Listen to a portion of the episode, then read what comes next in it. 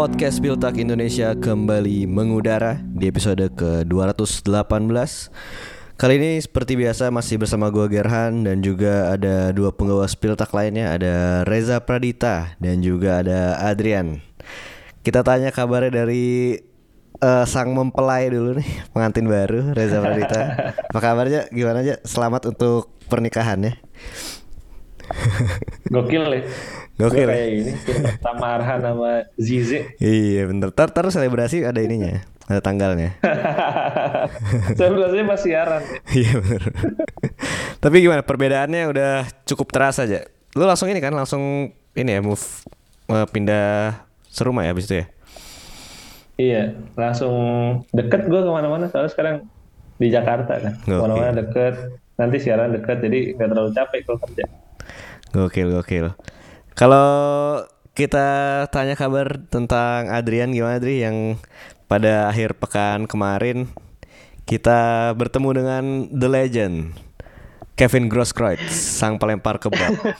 Dan juga ada mantan kapten eh, Dortmund ada Roman Weidenfeller dan juga Smelzer ya Adri ya Iya benar. Ya walaupun hanya berapa detik ya kira interaksinya. Bahkan tidak sampai hitungan menit kayaknya. Tapi eh antusiasmenya sebenarnya eh, di luar ekspektasi gue sih Ger, lumayan banyak ya untuk acara pagi di hari Minggu gitu Ger. Hmm. Eh, ya kayaknya kalau sering-sering eh, tim-tim Bundesliga nih ya entah yang legendnya atau tim utamanya datang ke sini sebenarnya antusiasmenya itu menurut gua ada sih Ger ya dari apa yang kita jalanin minggu kemarin tuh pergi ke Bandung tapi ya pertandingannya justru gua nggak nonton tuh Persib lawan Dortmund Legend ya Iyalah, ya gue juga sebenarnya emang kalau Legend gitu kayak nggak terlalu menarik ya kalau Dortmund. Kalau Bayern mungkin lebih menarik misalkan datengin bintang-bintang juga ya atau enggak Dortmund datengin eh, semacam siapa ya Nuri Sahin mungkin gitu yang masih anak-anak zaman sekarang masih pada nonton gitu kan. Tapi ya kalau dari kemarin gimana Dri? Ada lu mungkin melihat apakah acara sebenarnya bisa lebih baik lagi dari kemarin karena yang lu bilang tadi kan kita cuma datang ke sana tuh ke mall eh, datang eh, ngantri abis itu cuman salam-salaman sekitar 10 detik dan foto doang gitu kan. Eh, mungkin sih kalau menurut gua harus kayak dibikin ada apa ya ibaratnya rundownnya gitu sih Ger itu menurut gua penting sih jadi biar apa yang datang itu eh, tahu nih harus ngapain dan kedua juga kan memanage ekspektasi juga ya karena kemarin banyak yang bawa jersey eh, akhirnya malah ya jersey ditenteng aja gitu. Nggak nggak ada kesempatan untuk minta eh, di trio legenda Dortmund ini. Jadi ya menurut gue sih sudah oke tapi tetap eh, harus ada peningkatan lah untuk ya acara acara semacam ini. Karena sebenarnya fans ini kan nggak punya nggak punya apa ya nggak punya ekspektasi yang tinggi tinggi amat. Pasti minta tanda tangan sama foto udah gitu. Hmm. jadi kalau cuman foto doang pasti ekspektasinya nggak terpenuhi gitu loh Ger. karena kan nggak ada kesempatan interaksi kan? Cuman tiga kali jepret udah. Itu paling 30 detik habis itu kita udah disuruh keluar kan? Iya bener. Dan sebenarnya kalau untuk waktunya kemarin kita kayak bentar banget ya. Kayak kita Eh mereka tuh datang jam setengah sebelas Terus eh, ngantri Terus ya kira-kira jam 11 lewat 10 udah kelar Padahal kalau di jadwal kalau sampai 11.30 ya Dan itu Iya. Kita juga yang datang kan Nggak banyak banget kan. ya. Iya bener-bener Tapi ya bagaimanapun sebuah experience yang luar biasa Bisa bertemu dengan ex pemain Bundesliga Terutama kalau gue sih emang bela-belain karena Smelzer ya Bela-belain dari Jakarta ke Bandung Smelzer ini kan pemain yang baru banget pensiun tahun lalu tuh Walaupun status musim terakhir cuma buat recovery injury doang gitu. Terus selain itu juga di minggu ini masih dalam pekan international break di mana timnas bermain, timnas Jerman juga bermain. Dan ini yang menjadi geger geger geger sepanjang lini masa kita di Twitter bahwa timnas Jerman akhirnya memecat Hansi Flick yang baru saja mendapatkan hasil negatif beruntun ya Jay. Iya lima pertandingan nggak menang ya Lima pertandingan gak menang dengan kebobolan yang banyak banget. Jadi makanya di episode kali ini kita bakal ngomongin apa jadi, Ja? ya pasti ngebahas Hansi Flick dan kenapa dia bisa gagal di timnas Jerman walaupun datang dengan status treble winner ketika di Bayern Munchen. Dan kemudian kita juga bakal ngebahas siapa saja kandidat buat menggantikan Hansi Flick dalam situasi memang Euro sudah kurang dari satu tahun lagi. Betul, jadi emang ini bisa dibilang situasinya sedang kritis di DFB. Pelatih yang tadinya digadang-gadang sebagai one of the best uh, pelatih gitu kan di dunia pada saat itu. Hansi Flick baru aja sextuple bersama Bayern, terus cabut, tapi tidak sesuai dengan ekspektasi. Udah dicoba di uh, World Cup ya. Dia satu-satunya berarti turnamen World Cup ya, turnamen besarnya. Sama Iya benar. Bener ya, Euro, Euro masih Euro masih Joachim Low yang terakhir, benar-benar. Iya. Dan ternyata kejadiannya uh, keadaannya semakin buruk setelah World Cup, setelah drama di World Cup. Apalagi juga pas banget tuh kemarin sebelum Hansi Flick dipecat baru ngeluarin uh, doku series dari Amazon ya, All or Nothing ya dari timnas Jerman. Perjalanan mereka di uh, Qatar walaupun gue belum nonton. Lu nonton gak dari itu, Dri? Belum sempet nonton sih, tapi cuplikannya uh, kayaknya Seru emang ya? situasi timnya kacau ya. benar benar benar. Jadi uh, Hansi Flick akhirnya dipecat setelah berapa pertandingan gue nggak nyatet lagi berapa pertandingan di uh, timnas Jerman dengan hasil yang sangat sangat mengecewakan gugur di World Cup di, di fase grup terus juga di lima pertandingan terakhir tidak menang hanya satu draw doang bahkan.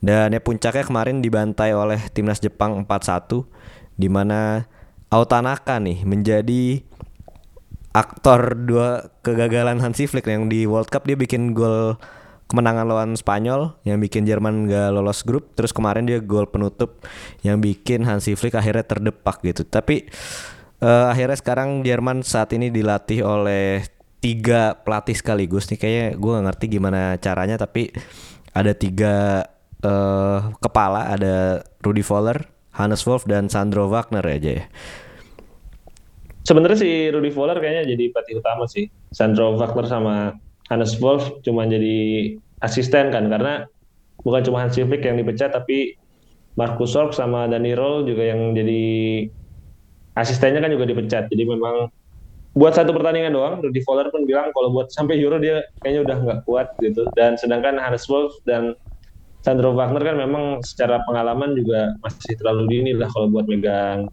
timnas Jerman. Jadi ini situasi yang kemudian cukup mengejutkan gitu sebenarnya karena gue mengira walaupun dapat rentetan hasil buruk gitu di timnas Jerman, at least Hansi Flick bakal dapat kesempatan sampai Euro 2024 buat membuktikan diri.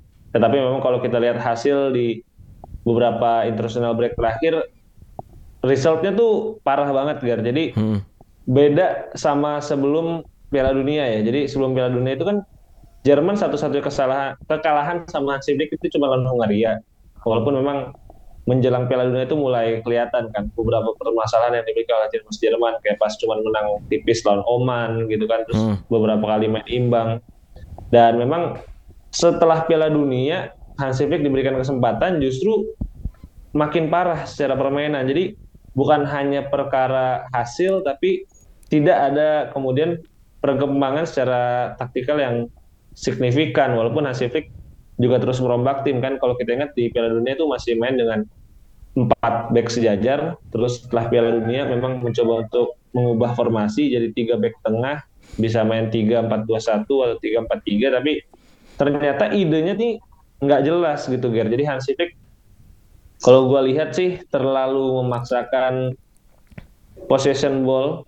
Mainnya orientasinya penguasaan bola tapi ketika masuk ke sepertiga akhir pemainnya nih bingung mau ngapain gitu kan. Ini sebenarnya Hansi Flick coba untuk kemudian mereplikasi apa yang dilakukan di Bayern Munchen ke timnas Jerman tapi gue setuju sama yang kemarin katanya Bergas yang the flanker ya karena di Bayern itu situasinya mereka punya sayap yang fluid ada hmm. Leresane, Kingsley Coman, Serge Gnabry, ya memang Gnabry dan Sane masih ada di timnas Jerman tapi kan situasinya performa mereka pun udah menurun agak jauh dibandingkan 2020 gitu. Akhirnya tidak ada pemain yang secara individu bisa kemudian memberikan perbedaan sehingga akhirnya ketika masuk sepertiga akhir pemain itu cuma passing passing passing passing nggak ada tujuan akhirnya. Dan ini semakin memuncak di beberapa jeda internasional terakhir.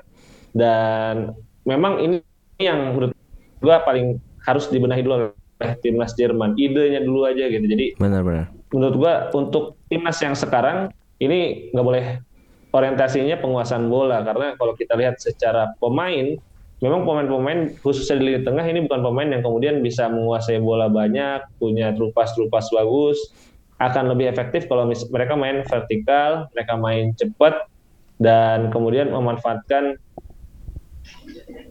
sosok striker yang memang ada di Niklas Fulkrug mungkin sekarang gitu. Hmm. Jadi mainnya lebih direct dan kemudian lebih cepat aja gitu ke gawang nggak kemudian banyak melawan penguasaan bola di lini tengah. Ya memang sebenarnya yang membedakan antara Flick di Bayern dan di Jerman ya secara kualitas pemain, secara kepaduan pemain pun menurut gue emang berbeda. Di Bayern punya pemain-pemain dengan skill individu yang bagus, terutama di lini depan ya, terutama di Lewandowski kita tahu musim terakhirnya kan juga dia 40-an gol semusim gitu. Tapi kalau menurut lu Dri, apakah lu setuju dengan permasalahan permasalahan-permasalahan yang terjadi di lapangan oleh Hansi Flick nih sebenarnya tidak berubah dari apa yang sudah uh, terjadi di World Cup kemarin atau menurut lu makin buruk gitu? Uh, menurut gue sih memang uh, sudah ada perubahan tapi ya hasilnya tidak sesuai lah intinya gitu biar dan uh, selain itu juga Hansi Flick terlalu uh, apa ya nostalgia lah waktu dia di Bayern gitu. Maksudnya pengen banget mereplikasi sih kalau gue ngeliat. Hmm. uh, sistem dia di Bayern pasti bakal berhasil di Jerman. Itu anggapannya dia karena maksudnya pemain Jerman ini kan mayoritas juga ada di Bayern. Uh, mungkin itu anggapan awalnya gitu Ger. Tapi memang gue ngelihat uh, ya Hansi Flick sudah berusaha tapi gagal. Itu tetap salah Hansi Flick. Tapi gue juga melihat bagaimana pemain-pemain senior Jerman setelah era keemasan Schweinsteiger, Philipp Lahm uh, dan lain-lain itu memang jadi hanya sekumpulan individu aja gitu Ger bukan sebuah kesatuan tim. Padahal kalau kita ngelihat uh, prestasi mereka di klub tuh bagus gitu kan. Tony Rudiger misalnya uh, selalu main inti di Real Madrid. Uh, Ter Stegen juga baru bawa Barcelona juara. Gundogan apalagi. Mungkin salah satu pemain terbaik dunia musim kemarin.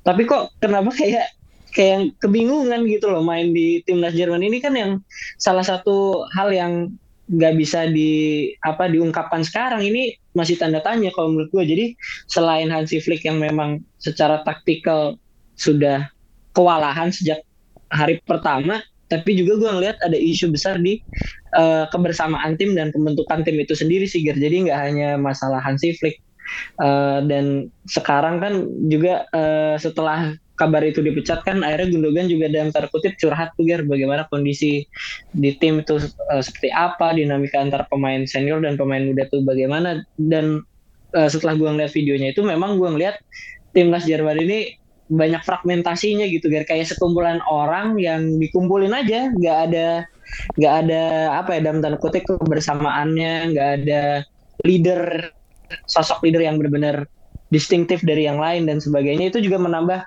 uh, kesulitan Hansi Flick untuk bisa membangun tim sih Kalau menurut gue itu selain ya memang secara taktikal baik dari lini belakang, lini tengah dan lini depan nih seperti bekerja sendiri-sendiri ya kalau menurut gue. Iya benar-benar. Kalau gue juga setuju sih emang antar lini nih seperti nggak ada chemistry. Bahkan di lini belakang juga kita lihat kemarin tuh yang viral kan Rudiger ngelek gitu ya pas diserang malah dia diam aja terus juga Ter Stegen dapat uh, kritik bahwa dia harusnya bisa do better lah sebagai kiper. Dan selain itu juga mungkin kritiknya ada di striker tentu saja yang mana Kai Havertz masih jadi andalan. Ini gue nggak tahu kenapa Kai Havertz juga masih jadi andalan terus. Padahal kita tahu di World Cup Niklas Fulkrug ketika main itu bagus banget. Uh, Terus selain itu kritiknya sih yang gue baca juga pemain-pemain Jerman ini seperti udah nggak terlalu passionate lagi untuk membela timnas Jerman gitu. Banyak pemain yang mungkin merasa udah komplesen, udah cukup happy dengan apa yang udah dia raih selama ini gitu. Tapi ketika main di timnas tidak bisa mereplikasi apa yang udah dia lakukan di klubnya gitu kan kayak lu bilang tadi Gundogan, Rudiger ini kan pemain-pemain bagus gitu Leroy Sané, Gnabry, Ter Stegen musim lalu juga uh, jadi clean sheet terbanyak di La Liga gitu. Dan soal kubu-kubuan itu kan kalau kita tarik ke belakang sebenarnya dalam 10 musim terakhir 10 tahun terakhir lah kita tahu bagaimana Bayern Munchen itu sangat mendominasi di timnas Jerman tapi kalau kita lihat di tahun ini beberapa pertandingan terakhir justru ini Bayern udah tidak mendomina, mendominasi lagi nih secara squad ya. Menurut lo apakah emang sudah saatnya untuk mengembalikan Bayern core itu di timnas Jerman ya menurut lo? Uh, kalau buat Bayern core sih agak sulit ya karena Bayern aja backnya udah nggak ada yang dari Jerman. Jadi memang uh, itu yang paling keciri sih. Bayern aja udah nggak mau ngerek back dari Jerman artinya kan ada sesuatu yang salah gitu. Tapi uh, pada akhirnya Bayern core memang dulu tuh sangat membantu untuk kemudian at least top tier pemainnya nih semuanya pemain Bayern gitu. Jadi hmm. nggak hmm. perlu kemudian ada kubu-kubuan karena orang-orang yang paling menjadi leadernya semuanya sudah ada di kubu yang sama. Pada akhirnya kan tidak ada kubu-kubuan gitu. Ini yang berbeda mungkin sekarang kalau gue lihat memang nggak ada sosok leader.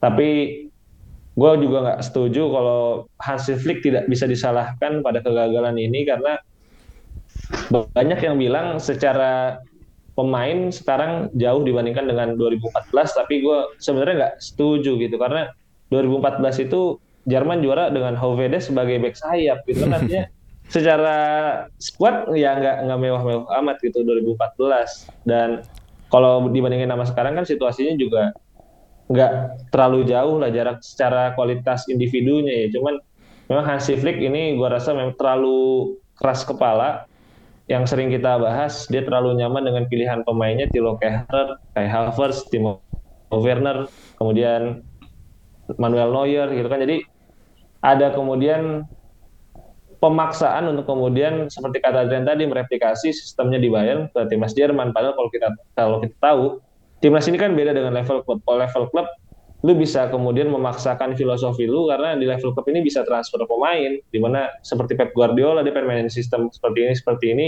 dia bisa beli back sayap puluhan juta gitu kan sedangkan kalau di timnas ini kan beda kalau kita lihat beberapa pelatih terakhir yang bisa juara bukan pelatih-pelatih dengan filosofi yang kental gitu kan. Kalau kita lihat hmm. Argentina Lionel Scaloni kan dia tahu dia nggak punya playmaker, tiga midfield engine-nya ini semua melindungi Lionel Messi gitu kan. Kemudian 2018 Didier Deschamps juara dengan Matuidi sebagai left midfield. Hmm. karena memang dia tahu ada kekurangan di sana untuk kemudian bertahan.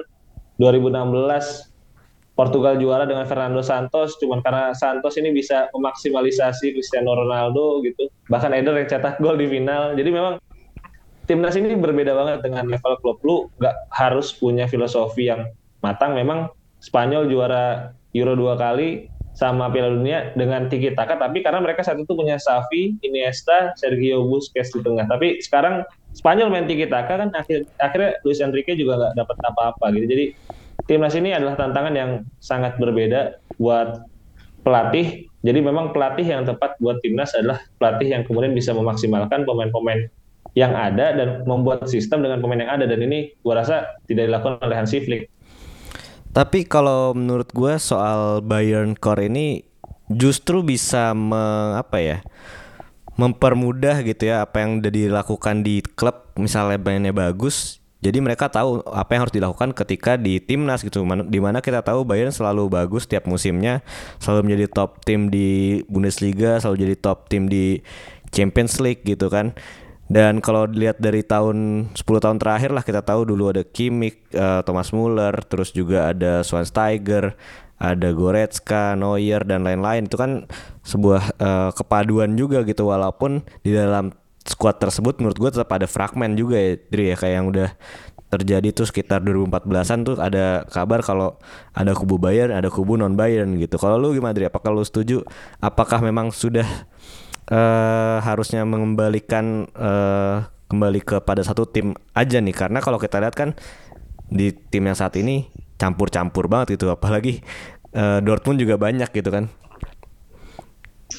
Iya sih, uh, ini menurut gua memang mempermudah urusan di timnas sih kalau menurut gua Eh, kayak dulu ada core eh, Madrid ada core Barcelona yang akhirnya Piala Dunia 2010 juara Piala Eropa 2012 juga juara itu sih sebenarnya mempermudah sistem bermain di tim nasional ya walaupun eh, nggak wajib juga untuk eh, punya apa sebutannya kayak kelompok-kelompok eh, pemain yang main di klub yang sama tapi yang gue pengen lihat dari eh, timnas Jerman adalah sebenarnya banyak juga tim-tim yang eh, sangat menyebar lah kayak Belanda kan itu menyebar banget di Prancis juga menyebar Argentina. ya di juga. Inggris bisa dibilang lumayan ya apalagi Argentina tuh yang baru juara juga.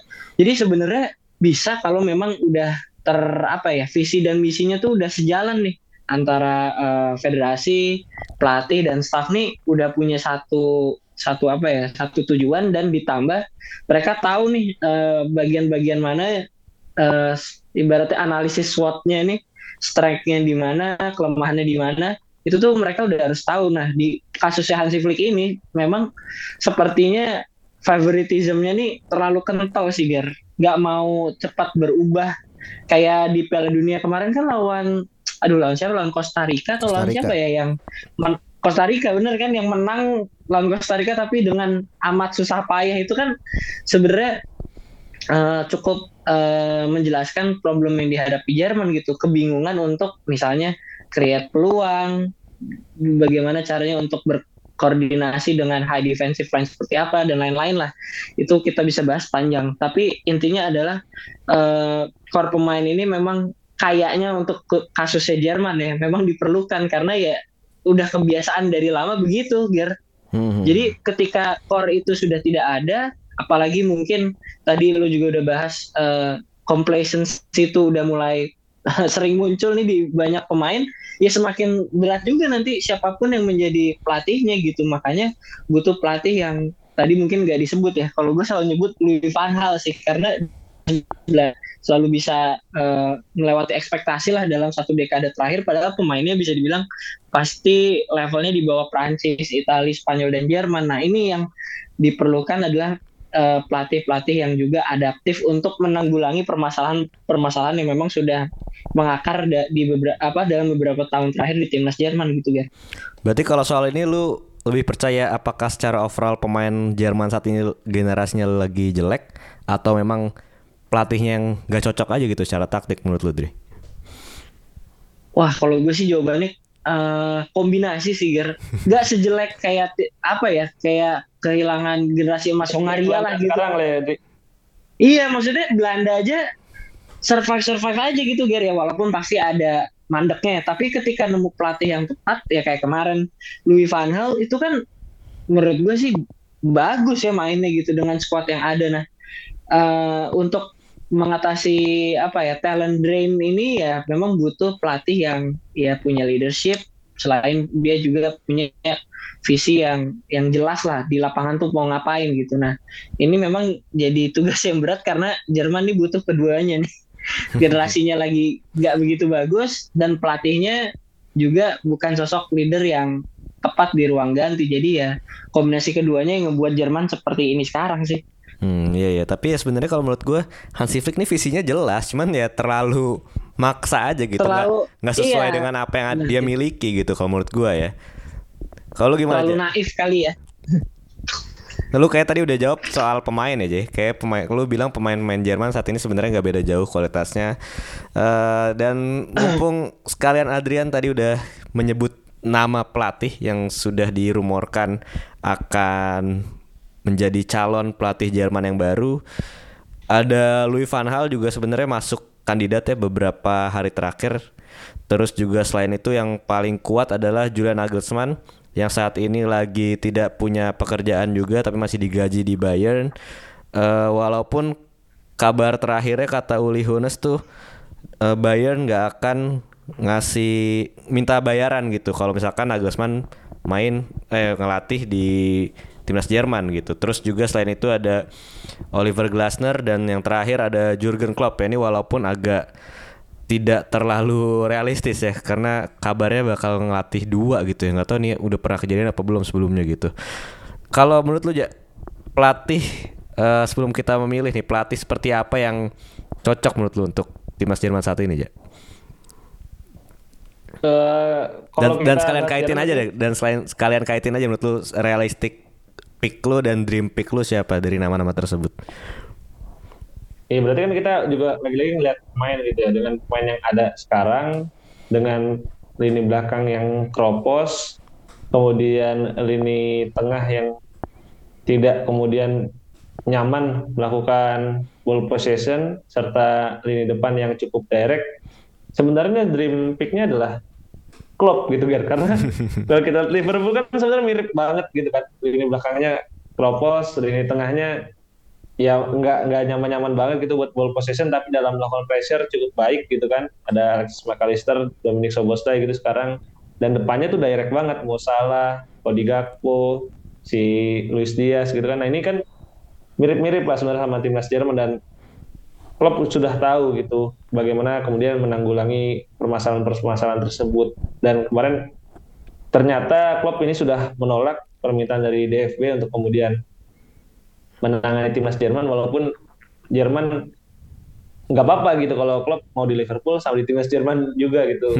Setidaknya buat sampai Euro 2024 mirip-mirip sama kasusnya Gus Hiddink lah waktu itu ketika nanganin Rusia dan juga Chelsea. Ya tapi pada akhirnya memang klub nggak mau menurut gue yang realistis berikutnya Oliver Glasner karena kalau Nagelsmann menurut gue masih terlalu dini buat menangani timnas Jerman masih terlalu naik turun lah dan kayaknya hubungannya pun masih belum baik dengan para pemain Bayern kan. Jadi nanti ya balik lagi aja gitu kan karena walaupun nggak Bayern core banget sekarang tapi mayoritas kan juga masih pemain Bayern yang jadi kunci di timnas Jerman. Jadi menurut gua kalau Nagelsmann balik ke timnas Jerman masalah friksi-friksi itu bakal ada lagi. Jadi Oliver Glasner akan memberikan sesuatu yang cukup refreshing lah di timnas Jerman walaupun memang dia asalnya Austria ya, tapi secara pengalaman dia bersama dengan Eintracht Frankfurt yang cukup lama kemarin di Bundesliga, gue rasa udah tahu lah secara talent pool yang ada di Jerman.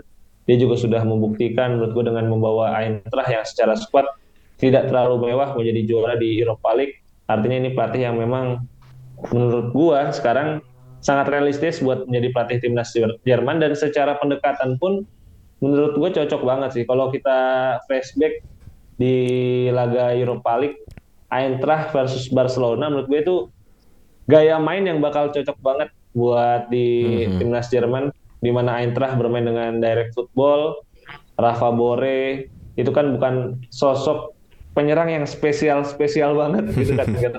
walaupun sekarang berakhir di Werder tapi, tapi iya Rafa Bore tidak spesial spesial banget dan karena secara pendekatannya pas squad Eintracht yang tidak terlalu spesial itu akhirnya semuanya bisa bersinar kan di situ dari kiper Kevin Trapp, back Tuta bahkan juga main bagus banget. Sampai striker tuh bagus semua. Jadi menurut gua Glasner pilihan yang tepat dan dia bukan pelatih yang sangat kemudian menanamkan filosofinya tapi dia akan menyesuaikan karena kalau kita ingat di Eintracht pun awal-awal mencoba 4 back dua tiga pekan gak jalan tuh langsung balik ke hmm. formasi tiga back lagi. Benar-benar. Kalau gue justru nggak setuju sama lo aja soal Jurgen Klopp. Menurut gue Jurgen Klopp ini pelatih yang butuh pemain-pemain yang sangat spesifik secara skill ya di timnya gitu. Dengan talent pool Jerman yang saat ini yang menurut gue lagi tidak bagus-bagus amat gitu. Menurut gue bakal sangat sulit sih untuk Jurgen Klopp bisa uh, sukses gitu di timnas Jerman dan juga ya menurut gue secara taktik pendekatan klub juga ini tipikal uh, tim yang memang harus digembleng day by day gitu menurut gue nggak nggak bisa lo cuman dalam beberapa bulan doang. Kalau menurut gue justru uh, dream pick gue sih Nagelsmann ya dan ini menurut gue realistis juga menurut gue karena Nagelsmann kita tahu dia adalah pemain yang eh pelatih yang bisa membangun sesuatu dengan pemain antah berantah gitu. Bahkan kita tahu di Hoffenheim di RB Leipzig itu kan dari pemain-pemain yang memang secara uh, skill biasa-biasa saja. Bahkan banyak pemain yang ketika udah nggak dilatih Nagelsmann tuh jadi jelek lagi gitu menurut gue dan uh, si Nagelsmann kalau ngelatih timnas Jerman bakal punya uh, apa namanya ya advantage lah untuk bisa milih pemain yang dia mau gitu. Dia bisa aja nyingkirin Neuer, bisa aja nyingkirin Thomas Muller menurut gua. Itu dan itu menurut gua bisa jadi keuntungan buat Nagelsmann juga sih karena ya secara uh, taktik gitu dia ngulik banget untuk pemain yang kayak gimana aja dia bisa kayaknya gitu ya. Hampir nggak ada dia punya pemain uh, yang flop juga gitu ya. Kalau lu gimana Dri? Selain Luis Van Hal apakah lu ada nama lagi Dri? uh, kalau gue sih memang kayaknya yang paling cocok Klopp ya walaupun realitanya sudah pasti nggak mungkin Klopp nanganin uh, timnas Jerman tapi gue setuju sama lu sih uh, Nagelsmann ini kan lahir di, dari klub yang biasa-biasa saja lah ya Hoffenheim walaupun dipunyai salah satu orang terkaya di Jerman tapi pemain-pemain ini kan bisa dibilang pemain-pemain yang value-nya mungkin nggak sampai dua digit dalam juta euro gitu loh Ger. Dan dia bisa membawa Hoffenheim dengan squad yang isinya Isaac Belfodil, Stefan Pos, terus juga siapa Kevin Fox, Nico Joe Linton, Nico bisa sampai ditebus 30 juta euro sama Borussia Dortmund padahal abis itu mainnya jelek. Jadi udah banyak banget pemain menurut gua yang jadi uh, apa ya puncak karirnya tuh bersama Julian Nagelsmann gitu Gar. Jadi Nagelsmann ini punya ya selain visi dan misi di lapangan tapi juga pinter dalam memaksimalkan pemain-pemain yang memang ada di uh, timnya dia gitu dengan uh, kemampuan dia di Hoffenheim sudah terbukti jelas dan situasinya mungkin ya nggak bisa dibilang sama tapi mungkin mirip ada brain drain lah bahasa kasarnya gitu ya di timnas Jerman bahwa kualitasnya tidak seperti dulu lagi. Harus harusnya yang direkrut adalah pelatih-pelatih yang tahu betul bagaimana caranya menggunakan pemain ini cocoknya di uh, permainan yang seperti apa. Uh, ketika di lapangan tuh posisinya yang bagaimana untuk bisa mengeluarkan potensi terbaik kayak gitu. Karena walaupun uh, Klopp ini paling ideal ya gitu. Tapi setidaknya timnas Jerman harus punya segi tactician yang memang handal lah Ger, untuk menutupi uh, kekurangan talenta ini gitu di beberapa posisi vital ya. Jadi menurut gue Nagelsmann apalagi dengan statusnya yang sekarang juga belum melatih lagi harusnya jadi pilihan yang mudah sih buat di FB. Tinggal gimana negonya sama Bayern lah. Sama Nagelsmann juga tapi bisa membuat uh, apa namanya karir dia di timnas Jerman ini sebagai batu loncatan juga kan siapa tahu di di Euro tampil baik dia bisa dapat uh, opportunity ngelatih ya di klub-klub yang lebih bagus lagi di luar Jerman. Tapi oh, seperti Al Nasser. Tapi tapi menurut lu ya ini kan Nagelsmann banyak yang bilang dia sangat mirip dengan Pep Guardiola gitu pelatih yang memang uh, hidup sehari-hari memikirkan sepak bola gitu. Apakah menurut lu dengan Nagelsmann ke misalkan dia ke timnas Jerman ini bakal menjadi keuntungan buat dia menurut lu? Apakah justru jadi apa ya sia-sia lah buat dia? Wah ini perjudian besar sih menurut gua kalau Nagelsmann ke timnas Jerman ya karena ending dia di Bayern itu kan buruk banget ya. Jadi walaupun waktu itu masih bisa treble tapi maksudnya secara image tuh buruk banget kan di Bayern. Jadi kalau ini gagal lagi sih, gue ngerinya pada akhirnya dia tidak bisa kemudian sampai ke potensi dia yang sesungguhnya ya. Jadi Nagelsmann menurut gue harus memikirkan masa-masa kalau dia mau ngambil job timnas Jerman karena pressure-nya bakal tinggi banget, apalagi hmm. di Piala Dunia 2018 Jerman gagal, Euro 2020 gagal, Piala Dunia 2022 gagal, udah tiga turnamen turut-turut gagal. Dan kalau ini gagal lagi, menurut gue juga dia bakal langsung lepas lagi tuh habis Euro 2024 gitu. Jadi memang bagi Nagelsmann secara opportunity ini lumayan besar buat dia dan menurut gue sih dia memang leading candidate buat jadi pelatih timnas Jerman karena nganggur dan kemudian Bayern pun nanti akan merelakan dia ke timnas dengan gratis ya. Jadi nggak perlu kompensasi besar. Sama seperti Hansi Flick sih pas 2021 itu ya. Dia walaupun masih ada kontrak sama Bayern tapi dilepas secara gratis. Cuman ya itu gue ngerinya Nagelsmann-nya gagal dan kemudian karir dia nggak akan sebagus yang kita perkirakan. Jadi hmm. menurut gue sih nego sama Nagelsmann ini kalau gagal ya kan, justru bakal banyak nama yang kita nggak sangka-sangka bergabung ke timnas Jerman. Bisa aja nanti kayak Sandro Wagner, Hannes Wolf diperpanjang. Hmm. Bahkan kemarin juga isunya itu kan Matias Summer yang udah lama banget nggak ngelatih juga masuk kandidat buat ngegantiin Hansi Flick. Iya benar-benar dan gue sebenarnya suka dengan apa yang dilakukan Nagelsmann uh, sejauh ini ya di klub. Kita tahu gimana dia juga secara defense rapi, secara permainan uh, sangat atraktif, secara ofensif juga bagus gitu ya. Tapi menurut gue disayangkan aja sih kalau misalkan kita melihat Nagelsmann hanya beberapa bulan sekali gitu. Karena kita tahu Nagelsmann pelatih yang bagus. Iya. Dan ini sih beratnya itu kalau gitu. kalau kalau ngelatih tim masih Jerman itu kan beratnya walaupun Nagelsmann itu bukan tipe kayak Guardiola yang dengan satu pakem dan filosofi doang ya. Hmm. Dia eh, cukup fleksibel tapi yang harus diketahui timnas kan tidak stabil ya. Jadi mainnya bener, berapa bener. bulan sekali, latihannya juga jarang. Ya jadi dia bakal sulit buat nyari kestabilan itu kayak kata lu tadi. Bener-bener. Ya siapa tahu mungkin ntar ada nama-nama seperti Thomas Doll aja ya Atau nama-nama menarik lainnya Ada lagi tadi nama random mungkin yang lu ajukan selain nama-nama tadi. Kalau Wagner gue menarik sih ini untuk melihat ke depannya gimana. Kalau gue sih kayaknya Rudy Fowler itu udah terrandom sih Gir karena seingat gue kayaknya gue nonton Rudy Fowler itu ngelatih timnas Jerman waktu gue umur lima tahun ketika Ronaldo Botak. gundul ngegolin ke Oliver kan gitu jadi ini dua dekade setelahnya tiba-tiba ini turun dari gunung untuk membantu negaranya yang lagi kesulitan gitu kan. Itu menurut gua pemilihan ini juga udah random Hannes Wolf juga sangat random setelah dari Stuttgart. Lebih sering kedengeran jadi pundit kayaknya ya.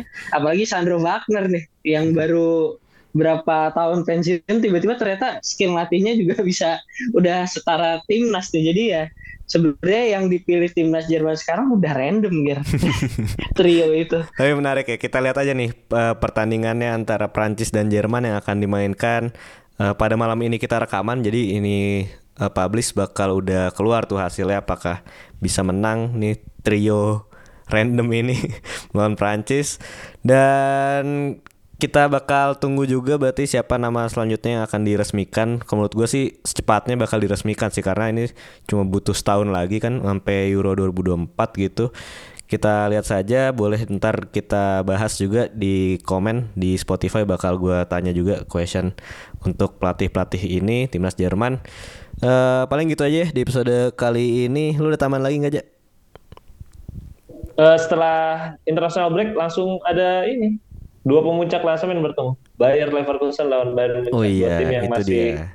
win streak. Gila, Sabi Alonso nih menurut gue bakal gokil nih musim ini. Lu ada tambahan lagi Adri? Tambahan dari gue pertandingan yang tadi itu aja nontonnya di mana ya? itu tidak ada tambahan seperti masih gitu-gitu aja, Dri. Belum ada info tambahan soal itu. Oke. Kalau gitu gitu aja di episode kali ini gue Gerhan pamit. Gue Reza pamit. Gue Adrian pamit. Sampai jumpa di episode Spill Tak berikutnya. Bye.